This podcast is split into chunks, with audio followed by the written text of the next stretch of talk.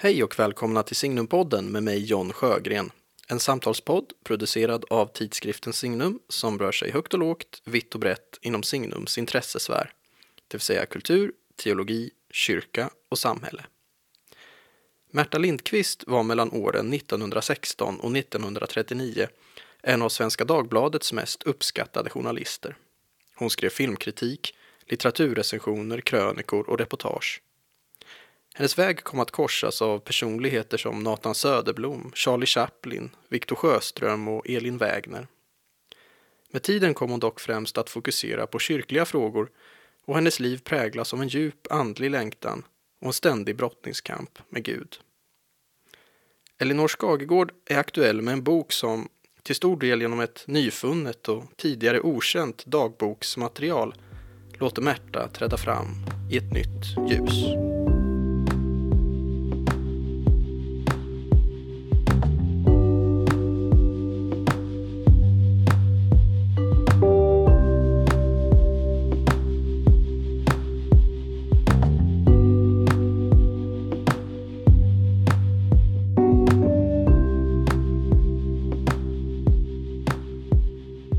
Välkommen till Signumpodden, Elinor Skagegård. Tack så mycket. Eh, din nya bok ligger här alldeles färsk på bordet framför oss. Eh, den heter Kelkyn, eh, berättelsen om Märta Lindqvists otroliga liv. Precis. Vi får väl förklara den där titeln, Kelkyn också. Men om jag börjar med att fråga dig, alltså, kanske bara ringa in lite först vem vem Märta var eh, och hur det kom sig att du intresserade dig för henne. Ja, det är både en, en lång och en kort historia. Ja, alltså, eh, den första frågan är väl lite vad vi ska göra i hela podden här, ringa in vem hon var. Men, ja, eh, mm. men hon var ju en hon var journalist. Hon föddes i Stockholm 1888 och studerade i, i Uppsala som en, en tidig kvinnlig Uppsala studentska. Ja. Eh, och sen så kom hon till Svenska Dagbladet eh, 1916. Och där arbetade hon under hela sitt liv, ända fram tills hon dog 1939. Och hon var en, ja, men en ganska etablerad kulturprofil på sin tid. Eh, och skrev om, eh, om litteratur och mode och eh, var väl en av de ja, men främsta filmskribenterna under sin tid. Mm. Och sen så kom hon också då skriva om, om kyrkliga och existentiella frågor. Just det, men det kom lite senare i eh, ja, karriären kan man säga va? Precis, det, kom, mm. det, liksom, det hände något i hennes privatliv som gjorde att hon liksom, eh, ändrade bana. Mm. Mm. Ja, vi ska komma in på det. Mm. Tänka. Ja. Eh, men hur kom det sig, det är en ganska spännande eh, historia också hur eh, liksom du kom att skriva den här boken. vill du berätta hur det hur det, upprinnelsen till den är? Jo, men jag fick det ju liksom väldigt mycket i knät kan man säga. Ehm, jag hade skrivit en bok tidigare om eh, tonsättaren Fanny Mendelssohn. Ehm, och jag jobbar ju då som frilansskribent, liksom du, för, för Svenska Dagbladet. Ehm, så de visste ju om då att jag hade liksom lite erfarenhet av det här att eh, sitta i arkiv och, och läsa gamla texter och så. Mm. Och så hade de fått in till redaktionen en bunt brev Ehm, som det visade sig då att, att Märta hade skrivit när hon var i 20-årsåldern. Eh, och det var en privatperson som lämnade in de här breven eh, som var, var släkting till mottagaren, så det var inte Märtas släkting. Eh, det var en, en ung man som hon hade haft någon liten flört med. Och så bad de mig att titta igenom de här breven och se vad det här, om det var intressant och eh, det var det och jag började eh, läsa mer om henne och eh, hon har en väldigt stor brevsamling på Kungliga biblioteket. Så jag skrev ett stort porträtt av henne eh, som publicerades i Svenska Dagbladet. Och eh, ja, efter det så kunde jag liksom, jag var, jag var, inte, jag var inte mätt på det utan jag, jag började på ett bok, eh, skriva en bok. Eh, men bara ett par veckor efter att det här eh, reportaget publicerades så blev jag uppringd av en man eh, som hade i sitt källarförråd hittat en låda eh, som hade stått där i många decennier och i den här lådan så låg hennes dagböcker. Mm. Vem, vem, var den här mannen då? Hur var, hur var, hans relation till henne? Varför hade han dem? Ja, han heter Tom Belander och han är barnbarn till en annan journalist som heter Synnöve Belander som jobbade på Svenska Dagbladet och under några år var kollega med Märta. Och jag har inte lyckats förstå riktigt deras relation ehm, för att eh, de nämns liksom inte så mycket tillsammans men eh, de måste ju ha varit vänner eftersom Märta mm. lämnade över sina dagböcker till henne. Och sen har den där liksom lådan bara stått där i åratal. Och det var liksom 15 tjocka böcker och liksom tusentals sidor, handskrivna sidor. Hur, hur var din känsla när det liksom hamnade i ditt knä? Det måste ju varit Nej, men det speciellt. var, ju helt, det var helt surrealistiskt. Alltså, det var ju som... För ja, då, då hade du redan bestämt dig att du skulle skriva en bok om ja, det? då? ja, men, men Då var det liksom jackpot verkligen. Ja, det var, och det var just att det var väldigt mycket luckor i det här bokskrivandet. Ehm, Jag visste nästan ingenting om hennes privatliv. Ehm, Utan det skulle ju bygga på de här breven som var väldigt mycket liksom arbete. Eh, Så jag hade tänkt skriva en, en bok om det. Och så dök de här, de här böckerna upp. Och för mig var det ju som, som ju liksom Märta är, är troende. Så, så kändes det lite grann som en, ja, någon slags Ja, för nu är det ju verkligen ett porträtt av henne som människa, inte bara som yrkeskvinna. Nej, Både och- det- också som yrkeskvinna, men man får ju verkligen ett helporträtt här av henne som... Ja, de här dagböckerna täcker ju 23 år av hennes liv. Mm. Och de är ju eh, väldigt eh, intima. Eh, och hon skriver Mm. ibland flera gånger varje dag om, om liksom sitt absolut inner, allra innersta. Ja, verkligen. Man kommer henne verkligen nära. Men du sa att du blev väldigt ehm, liksom direkt eh, fångades av att oh, du ville skriva en bok. Vad var det som gjorde att du blev så fängslad av henne på en gång? Liksom? Jo, men det var nog någonting i, i hennes... ehm, de, här, de här breven som finns på Kungliga biblioteket, det var ju liksom från lite senare delen av hennes liv när hon hade kommit in i mer den här existentiella fasen.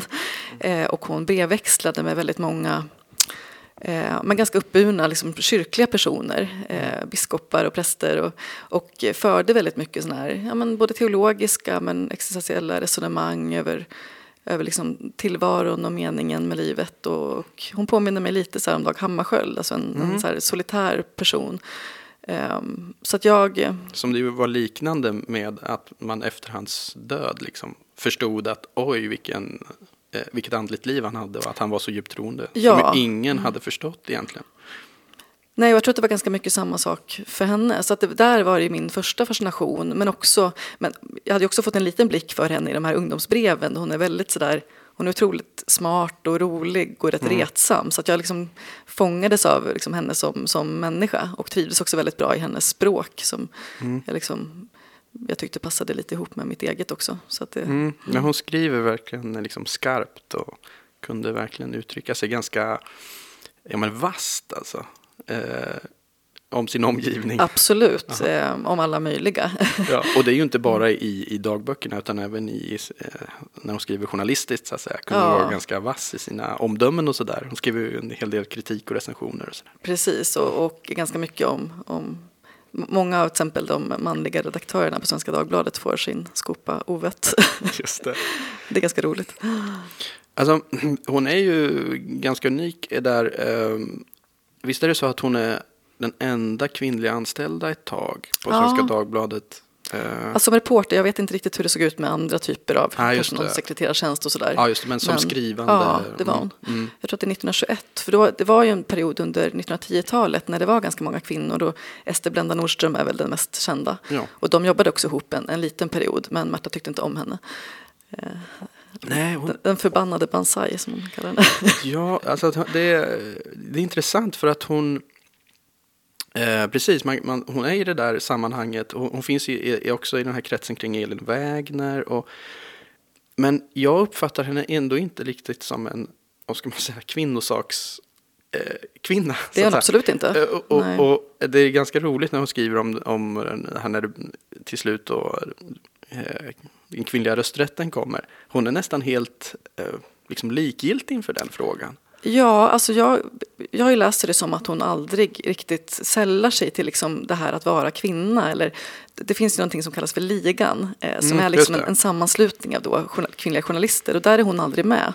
Men, och det är väl Elin Wägner bland Precis, ja. Det, ehm, så hon är liksom lite utanför hela tiden och det har ju både sina eh, det beror liksom både på vem hon var yrkesmässigt, eh, att, att jag tror att det uppstod en del konkurrens, eh, men också för att hon, eh, ja, vad ska man säga, de här kärleksrelationerna som hon har med, med många av männen på tidningen. Och det stack i ögonen på flera av kvinnorna. Just det. Eh, ska vi... Ja, men vi, kanske börjar. Jag tänker hur vi ska lägga upp det här lite grann. Hennes liksom resa, hennes andliga resa, hennes trosresa. Men vi har ju också de här... Eh, väldigt mycket i boken handlar ju om hennes relationer till män. Mm.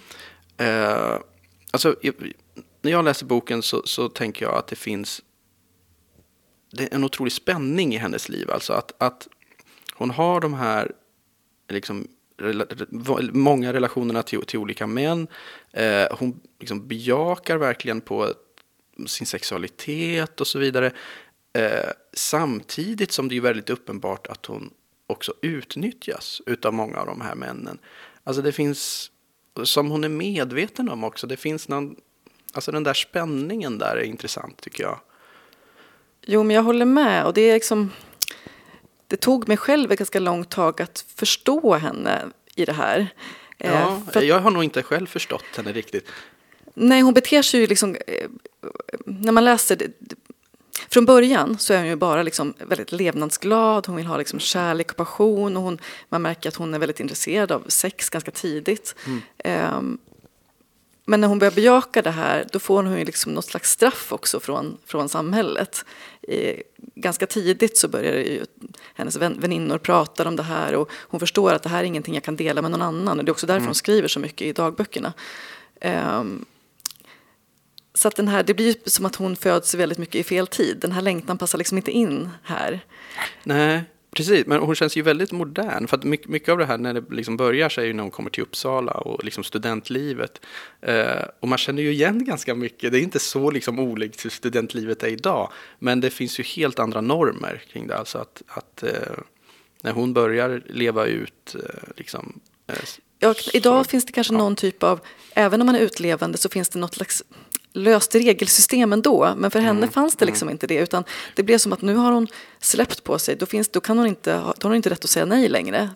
Det, jag läser ju som att det, det här blir ju hennes sätt att umgås med män på. Det är liksom hennes, eh, någonting som hon använder och både tycker om men som ja. också slår tillbaka mot henne själv. Ja precis, för att det, precis, för att det är uppenbart tycker jag att eh, det är ett både och. Att det är någonting som på ett sätt sker på hennes villkor. Att hon har liksom tar makten över sin egen sexualitet och så. Och det finns ju någonting också som liksom att hon är verkligen, ja men en kvinna ska liksom tycker också att det här är liksom spännande och, och liksom kan få njuta av sexualitet och det är inte alltid liksom bara männens drift, liksom, så kvinnan har lika stark liksom, drift. Eh, och det finns ju något man kan tycka liksom sunt i det och, och, och starkt i det att kunna ta liksom, kontrollen över det samtidigt som det finns som det inte bara är eh, liksom samhället som slår tillbaka utan det finns något i det, ja men där männen utnyttjar henne och det finns något destruktivt i det liksom. Jo men hon säger ju det själv att hon blir någonstans liksom förbrukad eller hon kan inte eh, hon förstår att nu kommer jag inte kunna gifta mig mm. för att det här, det är, det är någon lite så halv hemskt och lite roligt citat där någon, någon älskare säger till, till henne att ja, men när, du, när du gifter dig då får du ligga still som en planka och skrika så att inte, så att inte han förstår. Liksom, du kan inte använda den här tekniken mm, mm. som du har lärt dig. Nej, visst. Uh, men hur hänger det här ihop då med... Uh, för det finns ju samtidigt då en väldigt, väldigt stark andlig längtan hos henne. Uh, det här är inte så, eh, om jag minns rätt så, så är det inte något som artikuleras i boken så mycket kring, men finns det någon, vad tänker du kring det? Finns det någon koppling mellan den här väldigt starka erotiska driften som hon har och hennes andliga längtan? Det är ju liksom en, om man ser teologiskt så är det ju något som man har tänkt mycket kring och den, den liksom, kopplingen finns ju redan i Bibeln och så vidare med Höga Visan. Nej, jag har nog inte tänkt liksom i i, i de banorna riktigt. Däremot har jag tänkt på det som att hon har en väldigt stor, någonting som blir ett, alltså hon har ett tomrum inom sig mm. som hon försöker fylla med någonting. Så är det verkligen. Under hela livet. Och det här, eh, och från början så är det kanske inte ett tomrum utan från början är det bara liksom en, en livskraft. Och, eh, men när hon eh, försöker liksom bejaka det eh, och inte riktigt lyckas. Eh, det, jag läser i alla fall som att det skapas ett, liksom ett större och större tomrum som hon försöker fylla och fylla mer med de här med männen och med kärlek och med sex. Eh, när det liksom till slut inte fungerar längre, mm. då går det över i arbete istället. Ja, ja visst. Eh, då, då, är det arbetet som blir hennes... Eh, och till slut blir det också... Blir det också Gud. Men även där är det som att hon inte riktigt hittar rätt. Nej, Ehm, nej, hon hittar aldrig riktigt hem där heller. Nej, så att ehm, hela livet är väl en, en längtan efter ehm, att få vara sig själv och leva ut de här starka känslorna och samtidigt få en frid. Mm. Och det är väldigt, väldigt svårt att kombinera för henne. Och något i, i grunden ganska allmängiltigt tror jag. Absolut, Så- jag som- kände igen mig jättemycket i Ja, henne. Mm. men man känner igen, jag känner också igen mig i henne i- för att, i, i mer eller mindre grad. Liksom, för att jag tror alla bär på det där på något sätt. Eh, men jag, jag vet när jag, jag tänkte när jag läste boken att jag tänkte att det här är framför allt en bok om längtan efter stillhet. Eller en människa som längtar efter stillhet. Mm. Alltså för att, precis som du säger, det, det ena efter det andra liksom uppfyller henne. Och när arbetet kommer in i, sitt, i hennes liv så, så fyller det henne nästan helt och hållet. Och hon, det är liksom 110 hela tiden. Mm, hon kallar det till och med för, eh, för narkotika. Alltså, Visst, det blir som en drog. Och eh, samtidigt som det finns det här, och som är artikulerat eh, av henne själv, liksom att hon längtar efter den här stillheten, bara vilan alltså. Men som hon aldrig riktigt kommer åt.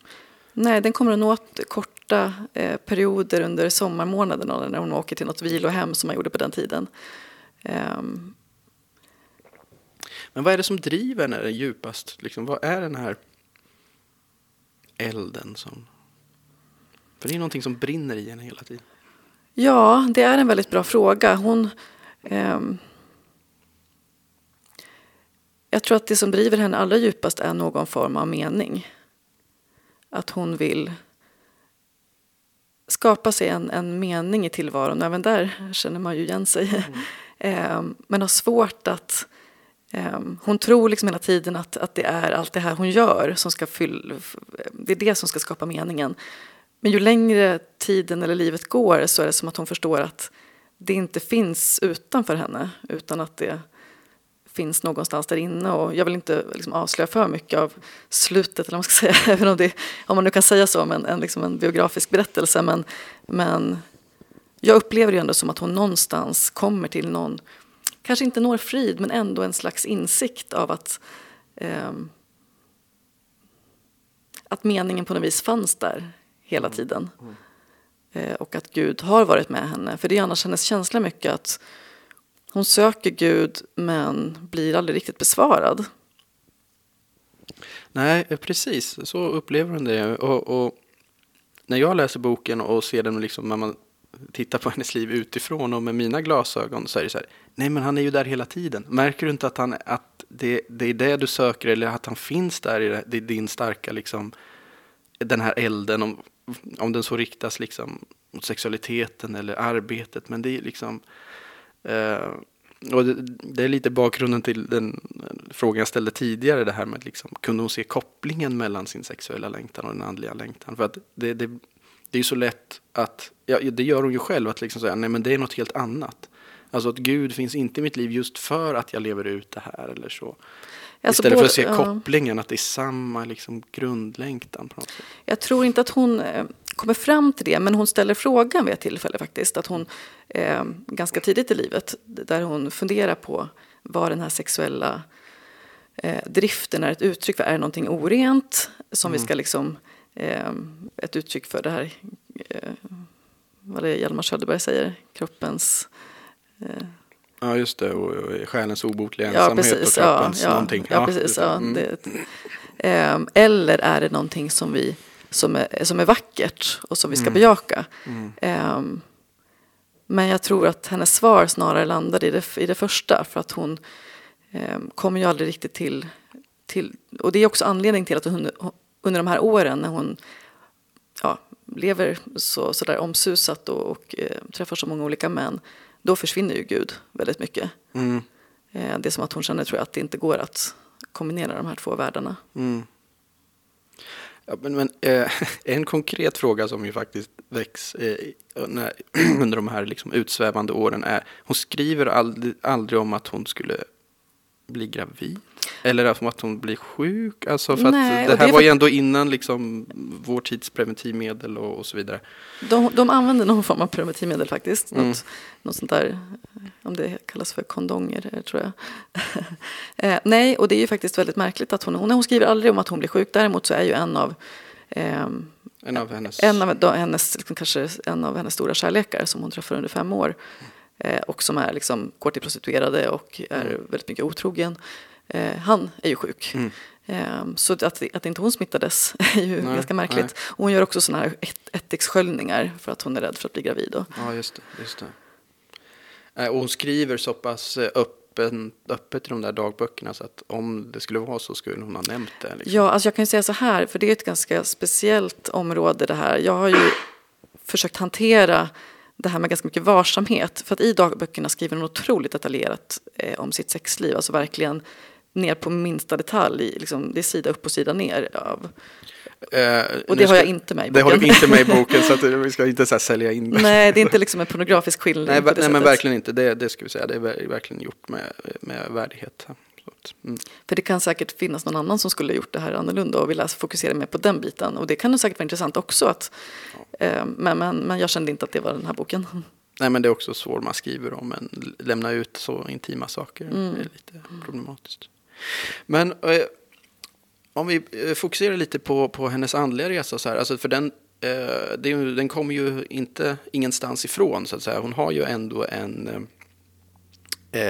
en religiös uppväxt eller Mm. bakgrund. En ganska speciell sådan som jag inte hade hört talas om. Alltså de går till någon, hennes mamma är det väl framförallt då som är Ja, det är väldigt någon typ av frikyrka. Ja, men det är en frikyrka för överklassen.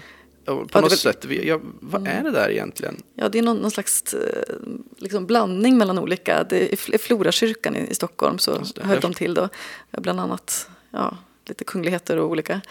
Ehm, nej, så att hon växer upp i ett, ett, ett, hon är ensamt barn då och växer upp i ett ganska fritt hem.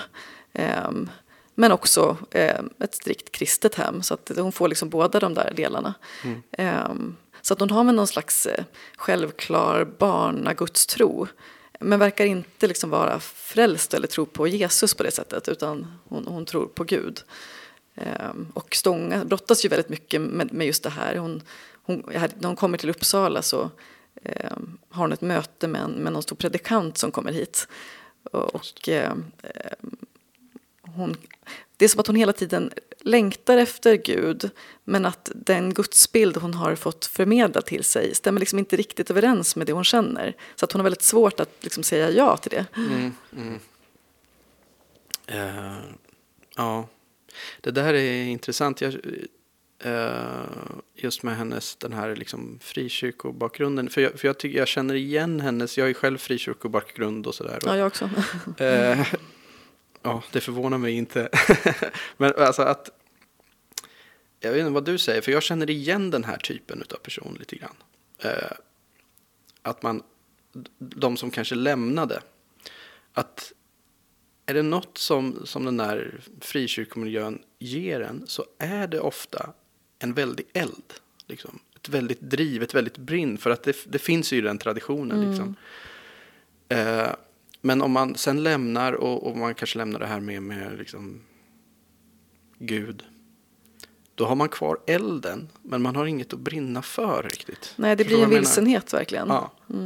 För att elden kan inte, är inte så lätt att ta ur en. Eh, det, man kan liksom... Och, och ofta är det just det här, ja men och, gudsbilden då kanske var lite för snäv och, och, och stämmer inte riktigt överens. Men jag slutar inte brinna för det och längta liksom. Nej, alltså det blir som att den där elden som förut har varit riktad då mot Gud, då måste man försöka rikta den någon annanstans. Mm, mm, Och, och, eh, och i vad då, är frågan. precis. Och det är som att hon hela livet ja, men på något vis försöker formulera sin egen bild av Gud och det hon vill få brinna för igen. Men det dröjer Mm. väldigt länge innan hon klarar av att göra det. Mm. Vad är det som händer då när hon liksom mer börjar klara av att göra det? Och, och, eh, vad är det för yttre omständigheter? Ja, alltså, alltså på ett sätt så, så det händer ju liksom en, en, en stor sak en stor sak i hennes, eh, i hennes liv. Eh, hon har jobbat på Svenska Dagbladet i tio år och då dör en person som är eh, väldigt nära henne, som hon har, ja, en, man som hon har varit kär i. Eh, och någonting med det här gör att hon, jag tror att hon blir väldigt, väldigt, väldigt rädd och börjar tänka på, på döden på ett sätt som hon inte har gjort tidigare. Hon blir rädd för hans skull eh, och också för sin egen. Och, eh, Alltså vad som ska hända efter döden? Ja, jag tror det. Mm. Och vad som händer med, hon, med honom nu när han har gått bort. Och det här är någonting hon liksom inte har behövt tänka på innan eller har valt att liksom knuffa bort. Eh, men nu blir hon, eh, hon, hon, beskriver själv hur liksom, hon ser hans nekrolog i tidningen då, och hur det är bara som att liksom vända, vända blad från, att liksom, från det ena livet till det andra. Så mm. efter det här börjar hennes liksom på allvar andliga sökande. Och det är då, eh, det är då hon börjar liksom skriva om andra saker. Det är då Nathan Söderblom, mm. Sveriges ärkebiskop, kommer in i bilden. Vad, vad, betyder, vi får prata lite om honom, för han blir ju en väldigt central gestalt för henne. Jag upplever nästan som att han blir någon slags fadersfigur i henne, för henne. Eh, åtminstone liksom andligen eller vad man ska säga. Ja. Va, vad är det med honom som, som attraherar så? Varför blir hon så tilltalad av honom? det var ju inte bara hon som blev det. Nej, han, han, var ju, han var ju en gigant på sin tid. Han var ju verkligen en gigant och liksom förändrade ju lite synen på kristendomen. Um, och jag menar, han fick ju Nobels fredspris för att han liksom lyckades förena kyrkor. Och han stod väl just för det här, den här elden. Jag tror att han hade väldigt mycket av den. Eh, och att hon säkert kunde känna igen den i honom. Men han var också liksom en patriark. en, eh, liksom en, en, en trygg person. Och när han fanns där eh, under den här tiden så blev han någon slags liksom ankare för henne. Ehm, hon var ju då, blev väldigt nära vän med hans privatsekreterare som bodde hemma hos, eh, som bodde liksom i vindsvåningen. Så att hon fick ofta komma hem till dem eh, och se honom på nära håll. Eh, och så här i efterhand så kan man ju, den bilden som hon målar upp och också jag delvis i boken eftersom jag eh, liksom skriver mycket utifrån hennes perspektiv. Det är en ganska romantiserad och idealiserad bild av honom. Ja, ja, det får man ju säga, för nu i efterhand så vet man, alltså han var ju en stor figur, men man vet ju också det fanns andra sidor. Det fanns andra sidor ja. också, så att säga, så det är en väldigt idealiserad bild får man säga. Och den hade hon nog hela tiden. Um, så han, hon är ju först liksom funderar över sina känslor. Hon, hon är ju så van vid att, att när det kommer en man som hon blir fascinerad av, då ska hon liksom då ska det bli det hon kallar för svärmiska känslor. Alltså det ska, mm. Eh, men det, jag tror inte att det blir så riktigt. Ett tag i början, när jag, när jag, eh, då funderade jag nästan på, liksom, var hon kär i honom? Hade de till och med en kärleksrelation? För att hon, ja, men den tacken väcks som mm. läksare också. Alltså, var det någonting mer här? Och det, så jag tror inte det, men jag vet inte det. För att, för att under den här perioden så finns det inga dagböcker. Utan där har jag fått utgå från, från brev. Men jag, Eh, jag tror inte att det var så. Utan jag tror att hon snarare såg honom som någon slags liksom, mellanled till Gud. Mm. Just det. Eh, men då börjar hon ju också eh, skriva mer och mer om, om, om trosfrågor och kyrkliga frågor. Och hon får ansvar för de här söndagssträckarna. Alltså var det så att de, att de alltid handlade om liksom, kyrkliga frågor eller andliga frågor? Och så? Ja, det är, lite kul när man, när man liksom sitter och studerar sånt här material för att idag har ju liksom, religion och kyrkan ganska litet inflytande i eh, ja, men liksom i dagstidningarna mm, och i uh, kulturen i stort. Eh, men under den här tiden så var det ju verkligen alltså, eh, den tidens kyrkomän, för det var ju i princip alltid män, mm. de var ju väldigt centrala eh, i liksom den offentliga debatten mm. eh, och fick väldigt stort utrymme i, i, i pressen. Så, så fort det var en någon biskopsvigning eller någon invigning av någon kyrka då var ju pressen där och, och skrev om det. Just det. Mm. Och de här eh, söndagssträckarna då, det var ju alltså understrecket som är Svenska Dagbladets essäsida och fortfarande finns kvar. Eh, varje söndag så var det då en, en essä som handlade om, som ofta skrevs av någon, någon kyrklig person. Och hon var ju inte, hon hade ju inte en hon var ju reporter så att hon hade ju aldrig något officiellt uppdrag som redaktör men hon fick verkligen det. Hon blev liksom mm. lite den som hade, ja, men hade hand om alla de här kontakterna. Eh, och mm. det är väldigt, väldigt, väldigt många kontakter. Eh, så hon blev en väldigt viktig person för då det som man kanske kan kalla för den kristna journalistiken. Mm. Det är intressant också att läsa, jag tycker det är jätteintressant, för man kan jämföra med vår egen tid. För att det liksom pratas ju mycket om, och har gjort de senaste åren, och bara senaste halvåret om om liksom, tro och kristendom på kultursidorna, att det är tillbaka och sådär. Mm. Och så läser man det här då för ja, eh, ja, inte riktigt hundra år sedan men nästan.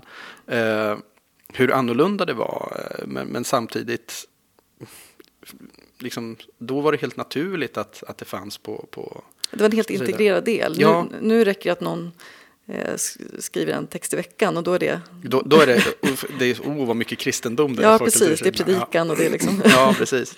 Jag tycker vi ska inte, vi är ju båda på svenskan, ska, ska vi inte verka för att liksom återinföra den här söndagssträckan? Jo, tycker kanske det. jättebra. Man kan ju bredda den, det måste ju inte vara just bara kristendom utan Nej. ex- existentiella teman. Ja, visst. det skulle verkligen vara. Men det är det ju, det är det ju ibland under strecket och så. Mm. Ja, det är det så absolut. Det man ju Mm. Mm. Så vi ska inte klaga. Men, det, men, men det, är, det är verkligen intressant när de liksom, tiderna speglar varandra. Att man kan se och det är väldigt ja, hur de mycket, är ja. Mm. olika och samtidigt lika på något sätt. Ja, för det har ju varit ganska speciellt att skriva den här boken i de här tiderna för att ehm, den slutar ju eh, vid hennes död 1939 och det är strax Mm. innan andra världskriget Mm. bryter ut så man hinner ju aldrig man hinner aldrig förstå att, eller vi, vi vet ju att det kommer komma ett krig men hon vet inte om det.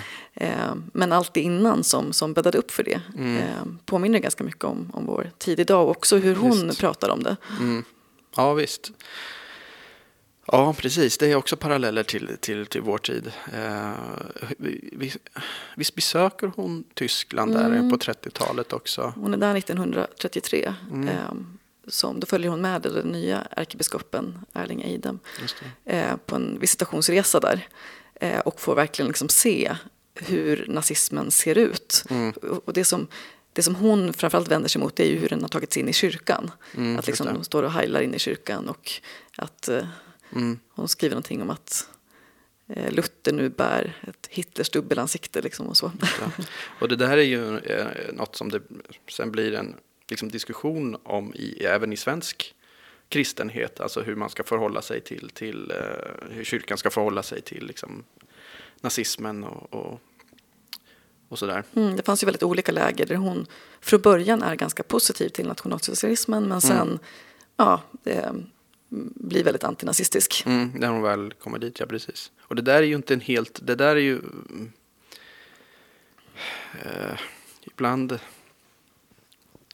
har det ju gjort sådär att man, man liksom dömer då historiskt. Mm. Alltså som Ingmar Bergman till exempel som, som var tidigt i sin ungdom i, i, i Nazityskland och liksom blev mm, ja, men begeistrad utav, utav det där liksom. Och då kan man Det var det väldigt många som var. Ja, Speciellt med Tysklands precis, historia. Ja, Tysklands koppling till Sverige och liksom hela Versaillesfreden. Att det Ja. fanns ju en väldig sympati för, för det tyska folket. Och då när det kom några som ville eh, liksom få upp det tyska folket på fötter igen så såg man till en början det som positivt. Ja, visst. Och, och det finns ju även i, i, hos henne då, någon, eh, om det är 1930 eller någon, när hon uttrycker sig ganska liksom, positivt, att det här är väl, liksom, det här verkar ganska bra. Mm, ja, Men- ja, men absolut. sen- Hon säger att det, att det finns något starkt och rent i nationalsocialismen. Ja, ja, precis, precis. Det- Så att, eh, mm. men, men sen åker hon ju dit och ser, ser hur, det, hur det är i verkligheten. Och då, Mm. Hon blir också, får bli vän med en, en svensk präst som jobbar där, eh, Birger. Forell, som är, är någon form av eh, nazimotståndare. Så att hon får liksom se på väldigt nära håll hur det tar sig uttryck. Vad skulle du säga var hennes betydelse i liksom, eh, kyrkliga kretsar och så här på den här tiden? Var, var, eh, var, var hon en respekterad liksom, röst? Ja, det tror jag verkligen att hon var. Mm. Eh, det märker man inte minst på alla eh, nekrologer och efterord när hon dör. För då är det just väldigt många eh, högt uppsatta personer inom kyrkan. Till exempel Manfred Björkqvist som startade Sigtunastiftelsen skriver ju liksom att det finns ingen som kan ta hennes plats. Eh, Hon har varit, eh, hon har, och hon kände ju ett otroligt ansvar också för det här för att hon, hon upplever sig som väldigt ensam på tidningen med att vara intresserad av de här frågorna. Eh, Så det är ofta också därför hon jobbar så otroligt hårt. Hon, hon arbetar ju i princip ihjäl sig för att hela tiden hålla hela det här stora kontaktnätet och se till att det, liksom, att, att det rullar på. Så jag tror att hon var en, hon var en viktig person i spalterna men hon var kanske nästan en ännu viktigare person i, i, liksom i bakgrunden. Hur ser hennes, eh, om vi, för vi liksom landade aldrig riktigt någonstans i, i hennes andliga resa. Hur, hur utvecklar sig den då? Hon börjar jobba med de här kyrkliga frågorna, men hur ser hennes liksom gudsrelation ut och hur börjar den? Alltså, den är svår. Det är som att hon... ehm, hon beskriver sig själv som en, en hycklare vid flera tillfällen. Att hon skriver väldigt mycket om de här frågorna nästan som för att skriva sig lite fri. Upplever jag det som. När hon inte kan ta till sig det här. Hon upplever hela tiden att hon inte kan göra det här valet som är, som är att liksom ge sig helt till Gud. Ehm, och den här liksom andliga resan pågår även under alla de här åren när hon umgås med i de här kretsarna och skriver jättemycket om, om kyrkliga frågor. Det är som att ja, hon finner liksom inte de här svaren hon söker. Det är någonstans precis på slutet som jag upplever att hon gör det. Där har jag kanske lite mer än i övriga boken faktiskt fått tolka lite grann. Ehm, vilket jag tyckte jag kanske fick göra när jag hade eh, läst så pass mycket som hon hade skrivit. Eh, men, men jag upplever att hon ändå så här, på något vis mötte Gud lite på sina villkor på slutet. Mm. Eh, på, eh, på vilket sätt då? Nej, men hon var ju otroligt rädd för, för döden.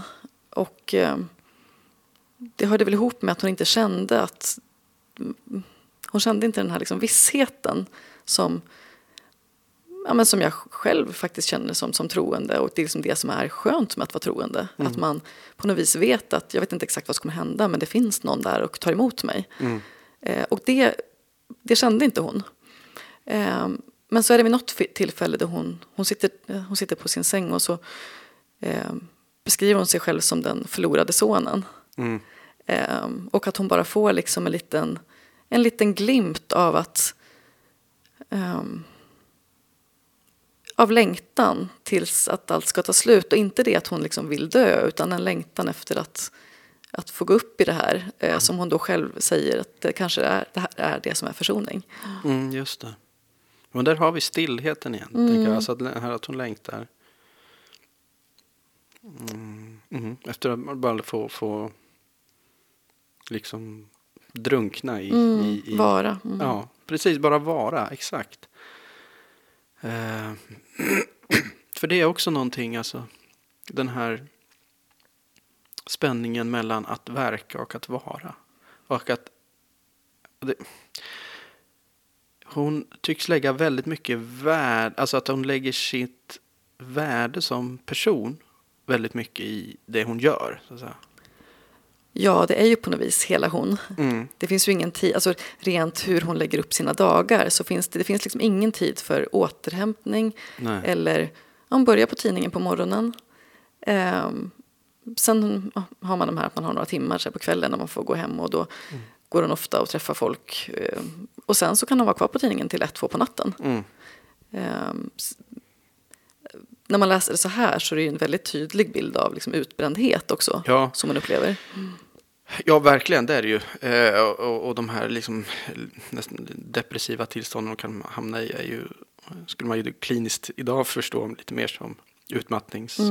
Men det finns också en, eh, det finns ju en, en närmast missbruksproblematik i botten, tänker jag också. Tänker jag, både i hennes förhållande, ja, men till hennes förhållande till det mesta, så att säga. Mm, att, ja, att, att eh, ja, men hon är en slags workaholic, liksom eh, arbetar 100% och även liksom hennes förhållande till, till det sexuella är också näst, närmast liksom något sexmissbruks eh, åt, åt det hållet. Så, så här, man ser ett slags missbruksmönster eller beroendemönster tycker jag. Mm, och det, det uttrycker hon ju flera gånger också. Mm. Att hon bara liksom fyller på, fyller på, fyller på utan att Mm. eh, tills det liksom inte går längre.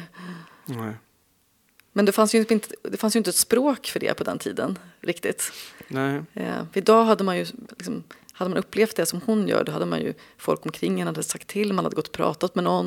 Man hade blivit Ja, och, då- och, och det säger ju, hon är ju också blivit ganska nära vän med Axel Munthe. just det. Och han är ju på henne om det hela tiden, att hon ska gå, liksom, gå och lägga sig senast vid midnatt och sådär. Just det. Just det. Just det. Hon skulle behöva någon sån här Jordan Peterson-person. Ja, jag tror städa, städa ditt rum, gå och lägg dig. Ja, för det är roligt. Hon har också, där känner jag igen mig otroligt mycket i henne, att hon har ju väldigt mycket problem med det här med, med hemmet. Hon tycker det är väldigt jobbigt med så här, det är som att hon beskriver de här döda tingen som bara ligger där och tittar på en och vill att hon ska liksom ta itu med dem och hon Just får sån ångest av det. Just det. Ja. Hur mycket det kanske blir för eh, personlig fråga nu mot bakgrund av vad vi precis har pratat om. Men hur mycket liksom, känner du igen dig i Märta? Alltså ganska mycket. Mm. Ehm, nu när vi spelar in det här så har inte den texten publicerats än men jag kommer ha en sån här personlig essä i Mm. Svenska Dagbladet om de här två och ett halvt åren när jag skrev boken. Mm. Och liksom mitt eget liv lite parallellt med hennes. Ja, jag förstår. Ehm, så vi har ju både en ehm, Både vad det gäller sökandet efter kärlek, sökandet efter Gud, förhållande till arbete. Mm. Det finns ganska många liksom, likheter där. Eh, Jag känner ju inte dig jätteväl så, men vi har ju arbetat lite ihop så här på, i olika sammanhang. Och, eh, min, liksom mitt intryck av dig är ju mycket alltså att du är väldigt disciplinerad och jobbar ganska hårt. Liksom. Att det finns, så, så att, eh, för mig förvånar det mig när jag läser den här boken så kan jag liksom se att det förvånar mig inte att du har intresserat dig för henne. För att det finns någon slags paralleller där, tänker jag. Och så Jo, är det men- väl med dem man blir intresserad Mm. av det när man ser sig själv. det. Absolut, jag skulle säga att hon är ju, hon är ju flera liksom, steg längre på skalan än vad jag är. Ja, det är Men- min upplevelse också verkligen. Ja. Men jag, men jag känner absolut igen mig. Jag känner igen mig lite i den här beroende... Mm. Alltså jag känner igen mig i det här, det här rastlösa draget. Och den här längtan efter frid. Mm. Ehm, och den liksom, att de hela tiden, den kampen, att Mm. de ehm, spelar mot varandra. Och den upplever jag fortfarande. Eh, och- Samtidigt som det är så allmängiltigt, tänker jag. Jag tänker att alla människor i, i grund och botten är ett slags, har ett missbruksproblem. Absolut, Alltså man bara all- förklär det i olika, på olika Ja, sätt. ja. Mm. alltså det är ju i, i, liksom kristna termer det, det som är synd. Liksom. Det är ju att vi tror att vi kan, att vi hit, försöker hitta något substitut hela tiden för, för Gud. Mm. Eh, och så kan vi vara, liksom någonstans på skalan befinner man sig alltid. Liksom, I Mm. vad man försöker fylla det där hålet med då, som, som är väldigt tydligt med Märta, att hon har något, precis som du sa, något hål hon försöker fylla. Eh, och det är det som gör den här boken också så ja, men allmängiltig, att, att eh, det är otroligt eh, liksom, spännande att komma den, just den här specifika personen väldigt nära och, och, och, och i hennes historiska kontext. Men det, det blir ju allmängiltigt också för att hon är en människa som en själv, som man Mm. känner igen så mycket i. Och det var det jag ville också med boken, för man kan skriva en bok, sån här bok på så många olika sätt. Man kan ju liksom Mm. mer ta fasta på de här stora temana som, alltså det är jätteviktigt att hon är en yrkeskvinna och allt det här, men jag, just, det är så sällan som det går att komma en människa som har levt i en helt annan tid så här nära. Mm. Så att jag ville verkligen, ja men, eh, ta fasta på det Mm. och eh, använda mig av det när jag, när jag skrev. Ehm, det kan säkert störa någon att man inte... Du nämnde innan i, i ditt mejl till mig att Mm. när vi skrev vad vi skulle prata om att, att jag inte tolkar så mycket. Nej, precis. Det- Ehm, och det stämmer ju. Att Mm. jag liksom, eller det gör jag på sätt och vis, men det blir lite mer i kulisserna. Men, men eh, Ja, precis. Men du låter ju hennes röst komma fram kan man säga. ja, och jag har valt att, att skriva med någon slags... Det är ju ett, ett eh, nutidsperspektiv hela tiden, som att, Mm, alltså i hennes tid. Det finns aldrig eftervärldens glasögon Nej, på nej. det. Och det är Eh. ganska befriande tycker jag. Jag tycker att det var, jag ville skriva så, det var också ganska svårt att skriva så. Ja, för jag är lite nyfiken också på hur, hur själva eh, skrivprocessen har gått till. Hur, för att det är som att din eh, eh, författarröst liksom mergar med hennes röst. Och det där tänker jag, hur tusan bär man sig åt med det? Alltså hur rent konkret, liksom, hur ser din arbetsprocess ut när du kommer arbetar fram den här eh, författarrösten som är någon slags blandning mellan dig och hennes röst och du har ju hennes brevmaterial som eh, men det är inte så att du, du citerar ju en, en hel del liksom, rena citat från henne men största delen av boken är ju ändå liksom, din röst och hennes röst tillsammans på något sätt. Ja, Hur jag har lyckas ju du liksom, åstadkomma det där? ja, jag tror att ehm, på ett sätt så är det såklart ett, ett, ett hantverk som jag tänkte igenom, men det är också väldigt intuitivt. Att jag, eh, som jag nämnde i början, triv, trivs mycket i hennes språk och ehm, kände mig hemma i det. Ehm, så så det jag har gjort liksom rent konkret är att jag väldigt mycket har använt hennes formuleringar och språk. Eh, men sen liksom skrivit om dem, eller vad man ska säga. Eh, tagit bort kanske de mest liksom, ålder, för det, det blir ju väldigt ålderdomligt. Ja, just det. Eh, så. Eh, och, och, och vissa typer av uttryck. Men jag vet egentligen inte hur, om jag har tänkt igenom det så konkret så, eller hantverksmässigt, utan jag har nog verkligen gått ganska intuitivt på det. Mm. Um, och liksom gått in själv i hennes språk när jag har tänkt. Ja, just det. Är det som att du har blivit henne nästan? Alltså, det låter så fånigt ja, men, men du har gått in i hennes huvud? Ja, jag har försökt gå in i hennes huvud på något vis. Ja, exakt. Um, för att skapa någon slags omedelbarhet, eller vad man ska säga. Mm. Um, sen har jag fått jobba, liksom, jag har gått igenom med min redaktör och i efterhand då, när blir det för mycket, när blir det för, när blir det nästan lite, det finns en risk att det blir parodiskt om man mm, låter det bli för eh, ålderdomligt. Mm. Um, men jag, tyckte, jag tyckte att hon har ett så poetiskt språk. Och jag är själv väldigt förtjust i den tidens författare. Hjalmar Söderberg, som även hon tyckte om, var ju en av mina st stora läsupplevelser när jag var mm. Eh, ja, tidiga tonåren. Och hans språk har jag burit med mig ganska mycket. Ehm, och just att man är i de här miljöerna hela tiden. Mm. Då, då, då fungerar det att använda. Det här typen av språk skulle vara svårt att lägga på en berättelse idag. Ja, ja absolut.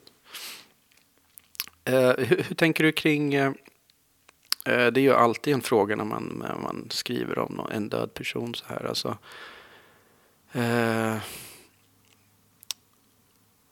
och det är ändå en ganska utlämnande bok. Alltså, som sagt, den blir ju inte, eh, går ju inte in på det allra mest intima, men, men det är ändå ja, det är hennes, hennes liv. Mm. Eh, vad, hur hade hon känt inför det tror du?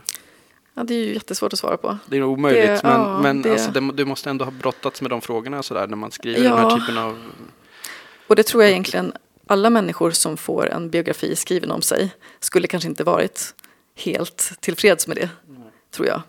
Ehm, för att eh, det man vill göra är ju att få fram hela människan och det är ju både smickrande och mindre smickrande sidor. Ehm, men jag har nog varit väldigt noga med att liksom stå på hennes sida på något vis. Och att inte skriva saker för effektsökeri eller um, i vissa fall där det, där det, finns saker som hon har skrivit eller sagt. Det jag förstår att skulle jag skriva det här då skulle jag kunna måla upp henne som en Ja, det finns vid något tillfälle när uttryckt sig ganska antisemitiskt i tidiga år, år till exempel. Och eh, det är svårt att ta med det när jag också skrivit en sån här typ av bok som är inte kommenterande. Um, Nej, precis. Det är svårt att okommentera. Precis. Mm. Um, nej, men jag, jag hade ett... Um, när jag höll på att skriva så kontaktade jag författaren uh, Jesper Högström som har skrivit om Tora Dahl. Så vi sågs och, och pratade ganska mycket om det här för han har ju liksom gjort samma sak. Och, mm. och han uttryckte väl det liksom att, att hela tiden behandla den människa man skriver om med värdighet. så det är det jag har försökt göra. Och Nej, hon kanske inte hade valt att den här boken skulle komma till. Kanske. Vi måste ju nämna, det slår mig nu att vi inte har sagt det, titeln. Alltså hennes Kelkyn. Mm. Att hon, det var ju hennes pseudonym som hon skrev under. Ja, eller man, liksom alla, man skrev under signatur. Just det. Så det var inte, folk visste ju om vem hon var, eller efter ett tag ja. visste man om vem hon var. Men, men skrev hon alltid under den? Eller skrev ja. hon också under sitt eget liksom, värsta? Nej, hon skrev alltid under den. Ja. Um, men alla visste liksom? Ja, precis när hon kom till tidningen så hade hon, skrev hon någon gång under eh, någon annan också, sin signatur. Mm. Vissa hade ju flera så. Eh, men hon blev ju liksom sen, det stod ju liksom Märta Kalkyn Lindqvist liksom. Alltså det var ju, ja, det. Eh, men det är lite roligt för att det, det är en när man bara läser den så är det svårt att veta hur man ska uttala den. Och jag såg i någon bokkatalog att det var den enda titeln på Q. Så det, det är ju fördel. Sticker ut lite. Ja. ja, ja. Men det, är, det betyder då någon. Någon, precis. Som hon ju inte var, eller hon var inte bara någon, Nej. utan hon var ju någon. Ja, precis. Och här får man då mm. en, en bild av vem denna någon var. Mm. Mm. Ja, är det något mer vi ska säga? Eller vi har väl ringat in henne. Man får, jag tänker vi får inte liksom tömma ut allting här. Nej, utan precis. vi blir lite sugen på att läsa boken också. Ja, ja, men det är trevligt om man känner att det... ja, ja, de har fått lite mer smak. Mm. Nej, men jag kan verkligen rekommendera boken. Den är väldigt fin och, och uh, verkligen ett intressant levnadsöde. Och en person man liksom kommer nära genom den här boken. Ja, men roligt att höra. Ja. Det är inte, inte så många som har läst den än. Så Nej, den är ju alldeles färsk. Mm. Ja. Uh, Tack så mycket Elinor Skagård. Ja, men tack John. För att du eh, gästade Signumpodden. Och eh, tack alla ni som har lyssnat och lyssna gärna på oss igen i nästa avsnitt. Hej så länge.